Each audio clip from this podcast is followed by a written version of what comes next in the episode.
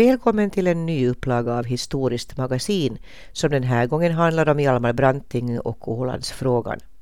Branting var en av de starkaste förkämparna för den demokratiska utvecklingen i Sverige och blev även Sveriges första socialdemokratiska statsminister.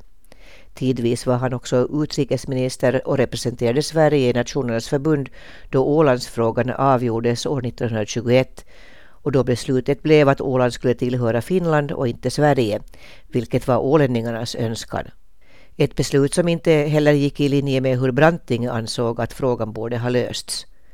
I samband med Ålands kulturstiftelses vårmöte tidigare i denna maj månad höll journalisten och författaren Olle Svenning en föreläsning under rubriken Hjalmar Branting, demokratin och grannarna i öster.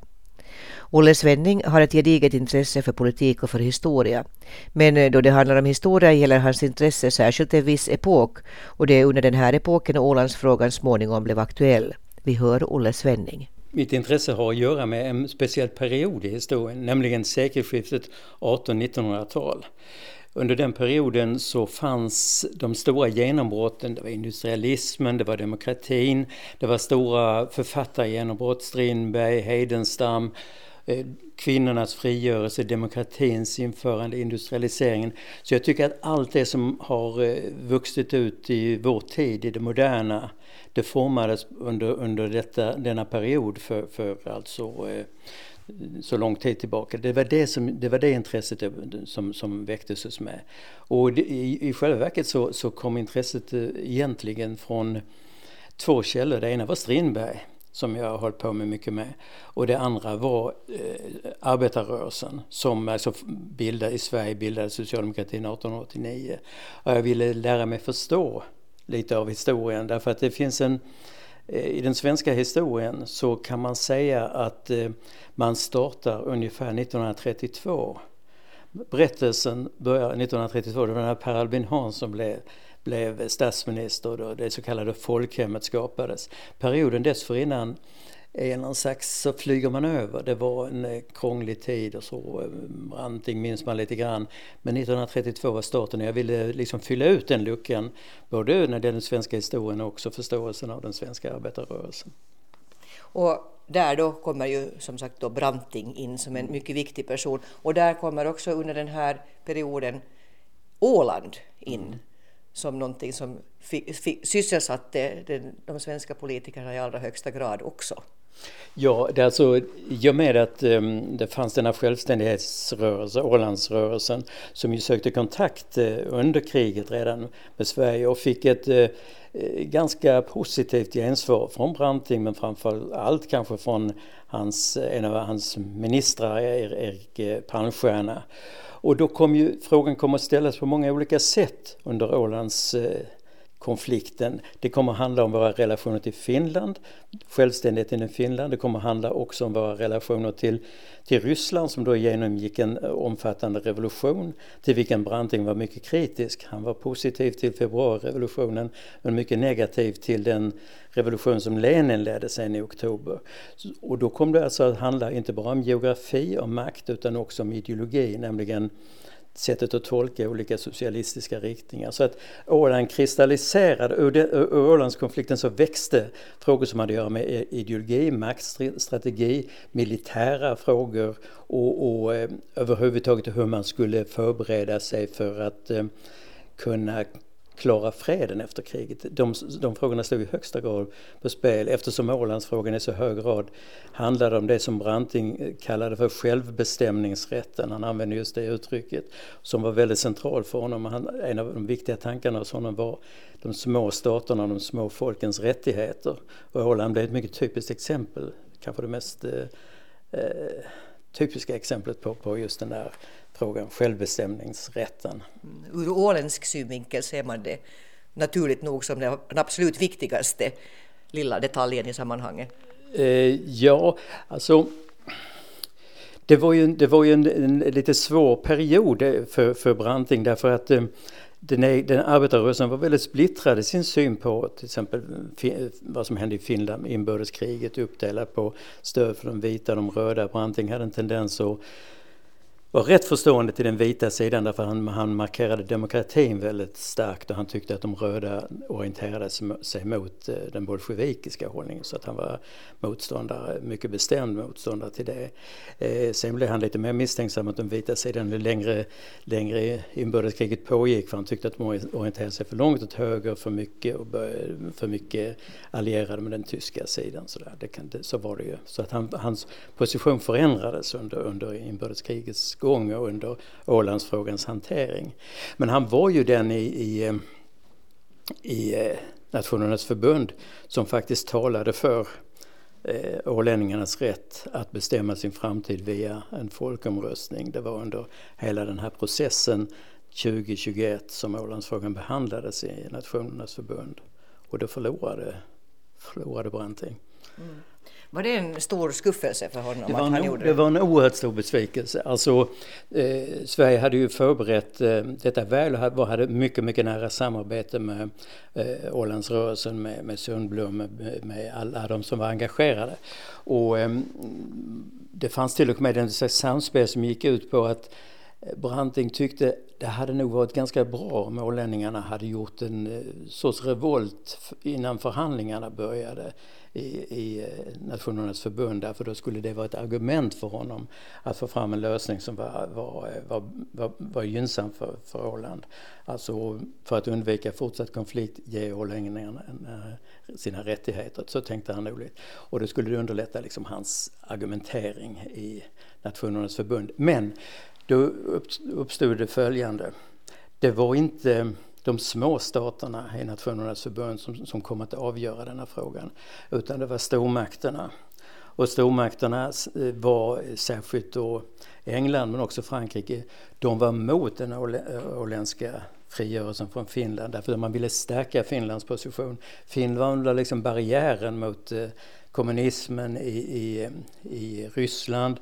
Finland skulle premieras för att de hade bekämpat bolsjevismen så pass länge. Och man ville bygga upp liksom, randstater, en cordon sanitär liksom, med, i, där Finland var den som var över gränsen mot, mot Ryssland. Det var, det var stormakterna som, som, som ledde detta spelet och det, det gjorde att ålänningarna fick, eh, deras självständighetskrav fick, fick eh, förlorade helt enkelt. Mm. Men samtidigt så hade ålänningarna nu egentligen något självständighetskrav. De ville ju höra till Sverige. Sverige. Ja, ja. Självständig, när jag talar om självständighetskrav så handlar det om självständigheten i förhållande till, till Finland och tidigare det, det ryska. Nej, nej, det var inte så att de ville bilda, bilda någon egen enhet. Men de, de presenterade som en självständighetsrörelse i den meningen att de inte skulle ha samma politiska eller geografiska tillhörighet som de hade haft tidigare. Så, så var det. Och det, det var, det, jag tror att de, de, eh, alltså Brantings främsta argument var inte militärstrategiskt utan hans främsta argument för att stödja Åland det var självbestämningsrätten som han sa. Det var eh, att eh, slå vakt om, om språket, om kulturen. Han, så, använde till, han, han var sällan så där bombastisk i sitt språk men han sa vi kan inte svika våra bröder. Han sa bröder, inte systrar, men vi kan inte svika våra bröder. Han talade i sådana termer så det var väldigt eh, ödesmättat för honom detta. Och han, när, när det blev detta nederlag i en Nationernas förbund så var Branting beredd att lämna sin, sin post i Nationernas förbund. Han sa att nederlaget är så fruktansvärt så att eh, jag, kan inte, jag kan inte vara kvar här. Det första som Nationernas förbund beslutar det är att säga nej till den här självbestämningsrätten. Och det är ett brott mot, mot grundläggande principer. Därför en, I Nationernas förbund så slog man fast de små staterna och eh, folkens rättigheter. Så att detta, detta sviker vi helt och hållet och då var han en period var han beredd att lämna Nationernas förbund där han ändå satt i församlingen och sen satt han i rådet också. Mm. Men eh, samtidigt så eh, så lär man sig ju också i, i historien att, att eh, eh Sverige egentligen inte alltid var så intresserad av det här. Man ville inte heller ta av ett nytt rike, om man ser ett självständigt land, en del av det område de hade. Så det här måste ju ha varit en väldigt eh, tveeggad historia. Ja, men det, det, alltså, det, den där frågan ställdes ju också till Branting. Ska ni verkligen ett nytt och fritt land som Finland? Ska ni verkligen? Men han, hans argument var då att ja, Finland var inte definierat på det här sättet. Det var inte definierat som en geografisk enhet. Det hade tillhört eh, Ryssland och hur, hur de geografiska gränserna såg ut. Det var inte givet och ville en del av landet landet, det nya landet, inte tillhöra det så skulle folket ha rätt att i, eh, i folkomröstning besluta om detta. Så att han, han, han, han accepterade, han var ju för naturligtvis Finlands frigörelse i högsta grad. Men han tyckte också att ålänningarna, om de ville detta, skulle ha rätt att uh, bryta med Finland. Hur, hur många så att säga, vapendragare i, eh, i det fallet hade Branting? Eller var det många som, som tänkte annorlunda? Ja, alltså det var, det, man kan säga att eh, han hade ju stöd i, sin, i den regering som han hade varit med om. Eh, men vad, vad man ska lägga märke till är att, det var, var att eh, vänstern, alltså den, arbetarrörelsen var splittrad i den här frågan. Alltså eh, Vänster Socialdemokraterna som hade brutit sig ur Brantings parti 1917, de sa att vi är helt emot den svenska politiken för det är fråga om att annektera Åland, vi går inte med, det är en imperialistisk politik, vi är emot den. Det var framförallt eh, en socialistisk bondeledare som hette Fabian Månsson som drev detta krav mycket hårt. Men då ska man tänka på att, ja varför sa han det? det? Jo, det var så att de svenska vänstersocialdemokraterna var väldigt nära allierade med den röda sidan i Finland. Och den som hårdast av alla argumenterade mot den svenska interventionen, mot det svenska intresset för Åland, det var eh, som då var liksom ändå den drivande kraften. Så att han hade motstånd från, från vänster kan man säga. Knappast något motstånd att tala om alls från, från höger, de var ganska välvilliga. Den svenska högern hade ju an, andra huvudargument för att, eh, för att stödja Ålands frigörelse. Det var ju ett sätt att eh, åter, återta en bit av det Finland man hade förlorat 1809. Så det, det fanns ju en sån så att sätt att argumentera. Mm, det fanns någon sorts så här revanschlust att vi, vi, vi, vill ha tillbaks det här. En, ja just det, absolut, det fanns det. Fanns det. Och det var, Branting misstänk, misstänkliggjordes ju för att ha samma ambitioner men det tror jag inte att han, att han hade utan det var det här med, med folkets rätt att själv bestämma. Och man kan säga att Branting när han jobbade, han var ju, jobbade mycket i, i Nationernas förbund och var medlare där till exempel i konflikter som gällde nationella minoriteters rättigheter. Det var Mosul som är aktuellt idag, Memel, alltså de, när, när de gamla imperierna hade rasat ihop så uppstod det nya, nya statsbildningar eh, och, och, som var lite, lite komplicerade. Hans, han, hans attack var hela tiden detta att vi måste, måste ha små stater som är självständiga. Vi måste också se till att den folkliga självbestämmanderätten garanteras. Det var, det var den insats man gjorde i Nationernas förbund och Åland faller mycket väl in i den, den sortens principiella hållning. Mm. Eh, men, men eh, hur tog Branting sen då det här att, att han till sitt stora förtret då förlora ja. sin kamp i Nationernas förbund för Ålands del och uh, återanknytning till Sverige. Men, men att Åland sen då blev en del uh, av Finland men med en självstyrelse. Kunde han svälja det? Ja, han, eh, nej, jag tror att det var, en, det var en väldigt stor bitterhet men man kan säga att fortsättningen av hans arbete i Nationernas förbund det lärde han sig mycket av misslyckandet i Åland för han arbetade väldigt hårt för, för nationellt självbestämmande rätt för att de små staternas makt inom Nationernas förbund skulle, skulle växa på stormakternas bekostnad. Han drev avrustningsarbetet väldigt hårt på de, för de små ländernas eh, för deras perspektiv. Så att han, han lärde av det men han höll kvar vid den här principen. Ut, utan självbestämmande rätt, utan eh, folklig rätt, rättsfred använder han det uttrycket.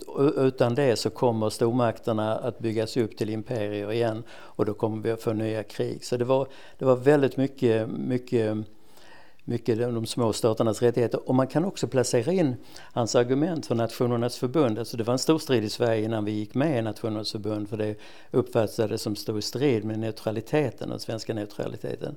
Men då sa Branting det att ja, men vi måste ha en annan neutralitet. Vi kan inte bara ha en neutralitet som gör att vi står och tittar på vad som händer i omvärlden utan vi måste gå in aktivt eh, med den internationella politiken, solidarisk politik, stödja de små staterna. Och det kunde man göra genom Nationernas förbund. Så han lärde, lärde sig av, av nederlaget och fortsatte sin politik där. Och han fick ju sen också samma år faktiskt som Ålandsfrågan förlorades så fick han ju Nobels fredspris. Så det kan man säga att var en extra fjäder i hatten trots att, att det fanns ja, en tagg i hjärtat. Ja, det, fann, det fanns en tagg. Men det märkliga kan man ju då säga att um, ganska snart efter nederlaget med, med Åland så försvann ju en stor del av det svenska intresset för, för Ålandsfrågan. Det var liksom inte så att man försökte ta revansch för Branting hade ju ett perspektiv som skulle kunna innebära att man tog revansch. Han, han sa nämligen så här att ja, Ålands befolkning ska få lov att rösta, folkomröstning.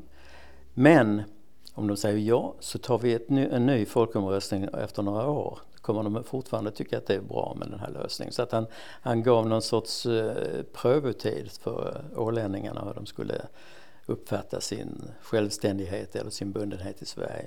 Mm. Eh, hur såg han sen så småningom på eh, Åland och eh, det självstyrda öriket? Alltså han, det fanns inte så sen i hans, um, hans uh, uppmärksamhet särskilt mycket, det var inte riktat särskilt mycket med Åland utan det var mer småstadsperspektivet som han drev i Nationernas förbund och man kan också lägga märke till att det tog bara kanske tre, fyra år eh, fram till hans död så han hade inte så mycket tid att och arbeta för de här frågorna utan det, han var mest involverad i, i så att säga, fredsförhandlingar som handlade om den ekonomiska världsordningen efter kriget, Versaillesfreden, Gen och alla de här eh, så att säga, fredsfrågorna på, på, på lite större global nivå. Så att något stort, eh, någon stor uppmärksamhet kring Åland fanns inte och jag tror det också sammanhänger med att den som var den mest drivande i Ålandsfrågan det var egentligen inte Branting utan det var Erik Palmstierna. Och Palmstierna försvann redan 2021 från den offentliga scenen, han blev ambassadör någonstans. Så att um, han hade inte det stödet, inte den som drev på honom längre i, i, i de frågorna. Så han accepterade sitt, sitt nederlag med stor, stor bitterhet förvisso. Mm. Men det, det, är ändå rätt intressant det du säger om att han, Branting då drev de, de små staternas mm. rättigheter och, och, att fortfarande är många saker aktuella idag. Mm. Människan lär sig med andra ord ja. ingenting. Nej, alltså det, jag, vad som slog mig lite grann eh, när jag höll på nu att gå igenom vad Branting hade gjort i Nationernas förbund, det var det att han faktiskt utsågs till medlare i Mosul. Och Mosul vet vi idag en stad i Irak som är, är intagen av IS, alltså som är under ett hårt förtryck. Eh, och då var det en strid mellan engelsmännen och eh, den mera eh, lokala befolkningen, egentligen mest kurderna, det stod en strid mellan dem. Och då skulle Branting eh, medla där. Och han blev framgångsrik där, det, det blev aldrig något krig den gången. Möjligen har det att göra med att han lät egentligen engelsmännen ta över alltihopa och det blev, blev lugn då. Men alltså, det finns de spåren från 1921 då fördes de förhandlingarna ända fram till idag. Mosul är fortfarande aktuellt. En annan sån här konflikt kan man säga Eh, vad som hände, Branting skulle också medla mellan eh, Grekland och Italien och Italien styrdes då av Mussolini. Och, och ehm, det handlar om en, en ö som, som ehm, italienarna hade bombat efter eh, ja, det var en konflikt där några italienare hade mördats. Men då, då, var det också, då var det också så att han försökte, försökte hävda eh, de små staternas rätt, nämligen att Grekland skulle inte bestraffas kollektivt för det här mordet. Då förlorade han. De, de stor, stormakterna sa att vi ger, vi ger Mussolini 50 miljoner så där, bara han lovar att flytta sig från ön. Så, så att, och, och, det var lite grann i slutet av Brantings tid, denna bitterhet över att Eh, Eh, den framväxande fascismen. Alltså han såg eh, Hitler såg han börja ta makt, Mussolini såg han faktiskt erövra makten. Och den sista som Branting ville göra i sitt liv det var att åka till den italienska socialisten Mattiottis grav. Mattiotti blev mördad av Mussolini. Och då skulle Branting eh, åka dit och lägga en krans på graven. Men det, det orkade han inte för då, han dog strax efteråt. Så att det, liksom de här spåren, konflikterna, Eh, fascismens framväxt eh, och faktiskt också det som var lite grann orsaken till fascismens framväxt, nämligen den ekonomiska fattigdomen, misären, de hårda kraven på Tyskland i freden. Han sa ju redan då, Branting, att ställer vi de här kraven på tyskarna så kommer det betyda undergång och det kommer betyda revanschism och det kan bli ett nytt krig. Så det, han var ju förutseende. Dessvärre hade han, hade han Han blev sannspådd som han, man brukar säga. Ja, ja mm. det kan man säga. Eh, men du sa att eh, den här Branting-epoken, han var uppenbarligen en karismatisk person på alla sätt och vis och han kunde föra mångas talan. men ändå är det här en, en period som, som har fallit liksom lite i glömska.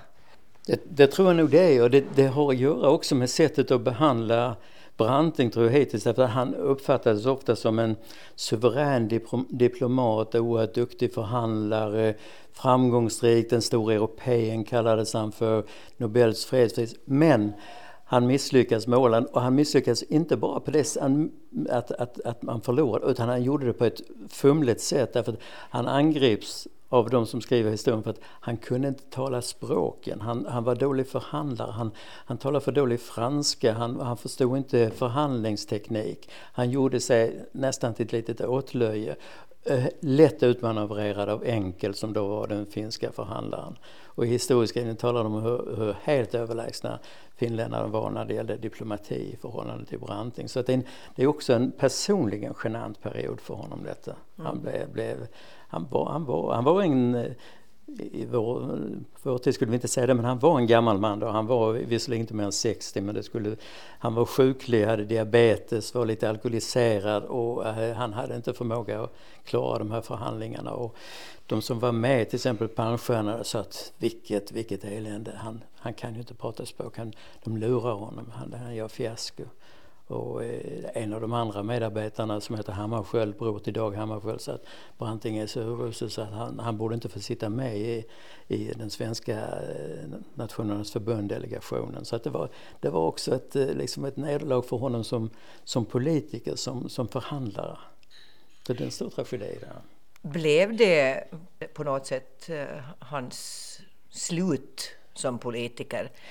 Nej, det kan man inte säga för han kom ju tillbaka sen och, och, och fick, spelade en stor roll i, i, i Nationens förbund. Men det blev, man kan säga att han, han sökte nog en revansch för det här nederlaget och koncentrerade hela sin kraft på de internationella frågorna. Och där då Mosul kommer in i bilden? Mosul kommer in och han var engagerad i många andra konflikter. Han var engagerad också. Han var ju, han var ju Nationernas förbunds ledare i nedrustningsfrågor så han hade, det lyckades han inte heller med men det är inte hans fel. Men jag menar det, det, det var där han la sin kraft. Inrikespolitiskt var han inte verksam nästan någonting alls. Han var förvisso statsminister tre gånger efter den här perioden men men han var inte alls engagerad i inrikespolitiken. Han var kanske med en, två gånger under valrörelsen och höll tal. Så, så den internationella politiken, han ville spela en roll där, det var hans stora uppgift. Och han ville liksom restaurera socialistinternationalen och, och han um, ville bygga ihop på något sätt eh, den amerikanska presidenten Wilsons idéer med socialistinternationalen. Det var de här stora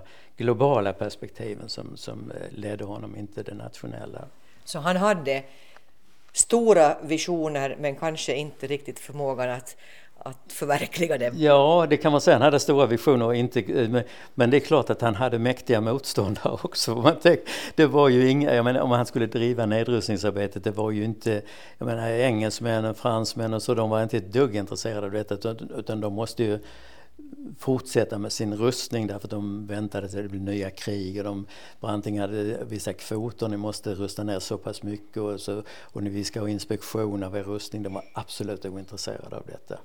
Så att eh, det, det, det, var för stor, det var för starka krafter som stod mot honom. Och den som han skulle kunna alliera sig, nämligen president Wilson, han misslyckades så till den grad att USA blev inte ens medlemmar i Nationernas förbund så han kunde inte ha honom som, som stöd där. Mm. Så att omständigheterna gjorde det svårt för honom att vara framgångsrik. Men eh, ponera, vi kan alltid fantisera ja. lite, att Branting skulle se vad som har hänt med Åland och, och allt Ja. I, och den utveckling som, som ändå har skett av, av självstyrelsen och, och den utveckling som är ständigt pågående. Vad tror du han skulle ja, säga han, idag? Han skulle vara oerhört uh, lycklig över att uh, Åland med mycket stor självbestämmanderätt eller självbestämningsrätt som hans, en del av det Europa som han också arbetade för, alltså ett gemensamt Europa, där finns också Åland i perspektivet. Och det, det, det finns ingen militarisering, det är ett neutralt så. Det är ju sådana saker som han drömde om, för egentligen inte bara för hela Norden utan för hela Europa. Så att, eh, jag tror att han skulle vara mycket nöjd med det där. Verkligen alltså. Så Åland har blivit lite hans utopia fast han ja, fick uppleva säga. det. det. det och man kan dessutom säga att det som, var, var, det som har gjort att han talar om våra bröder Eh, det handlar ju om kulturen och språket, det har levt vidare också starkt. Så det, han borde ha varit mycket lyckligare över detta, mycket lyckligare än över den eh, internationella politiken i största allmänhet. Vad ger det dig att komma hit till Åland och träffa eh, lokala historiker? Det ger mig jättemycket. Jag har suttit nu och pratat ett par timmar här om situationen på eh, Åland och jag har kunnat njuta av eh, det, när du talar om idyll så är det verkligen det, det är så otroligt vackert.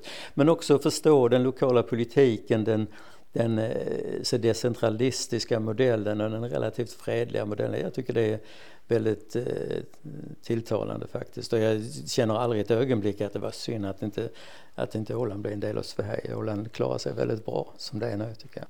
Man brukar ju ofta liksom spekulera i det här med att vad hade hänt med Åland om Åland hade blivit en del av Sverige. Hade det varit som ett Gotland eller, eller någonting sånt. Men nu är ju Åland som Åland är. Ja. Men det hade väl kanske varit som ett, som ett eh, Gotland och, eh, och jag måste ju säga att om jag ska ta mig före att göra jämförelser så, så är ju Åland mycket eh, mer utvecklat än vad Gotland. Gotland har ju blivit en lite, under stor, större delen av året en lite övergiven plats för att på vintern, eller på sommaren bli någon slags paradis för, för turister. Åland har en tycker större integritet skulle jag säga. Större integritet, större mm, värdighet. Om jag ska använda starka ord. Och det är någonting som vi kan tacka självstyrelsen det tror jag. Det är inte svårt för mig att sätta betyg som, men det, det tror jag säkert. Därför ju, där har ju Brant, är ju Brantings tes riktig, nämligen att självbestämmanderätten är, för ett folk är ett sätt att också utveckla ansvar och ett sätt att bevara kultur, traditioner och förstå sig på varandra, leva tolerant. Det tror jag. Det är ju själva demokratins princip där.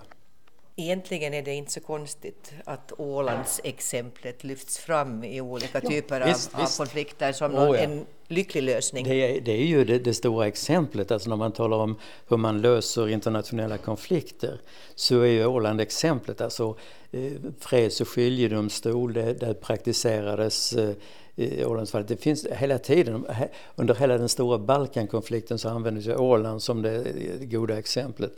Och ehm, det gör det ju fortfarande så att Brantings nederlag var ju när vi mäter det historiskt var ju, var ju faktiskt inte ett nederlag. Det blev, det blev bra resultat av det till slut. Saule Svenning, journalist och författare som tidigare här i maj månad höll en föreläsning om Hjalmar Branting, demokratin och grannarna i öster på Ålands kulturstiftelses vårmöte.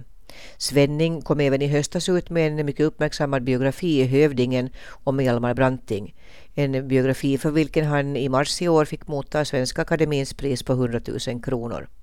Noteras bör att han förutom den prisbelönta biografin Hövdingen om Branting även har skrivit biografier om Göran Persson, Torbjörn Fälldin och Anna Lind. Jag som hade pratat med Olle Svenning om Branting med fokus på Ålandsfrågan heter Ann-Kristin Karlsson. Det är dags att sätta punkt för Historiskt magasin och det gör vi med Valton Grönros som sjunger Visa till Åland, en sång som känns extra passande nu i blommande maj månad.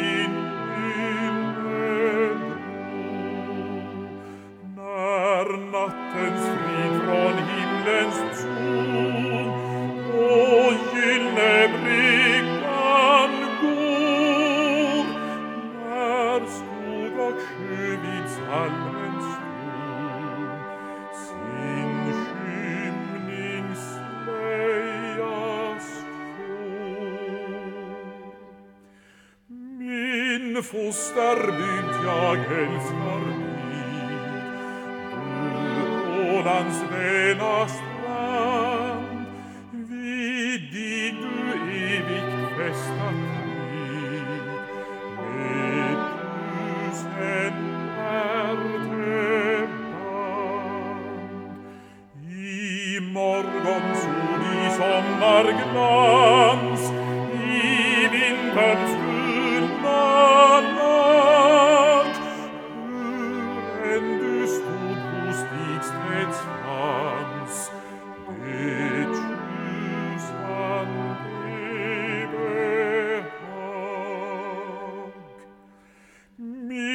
in fagra rusi havet sam, blivi vichtung och skön, bliv ren som vågen vid din hamn, som luften frisk kring ön, som rymdens klara stjärne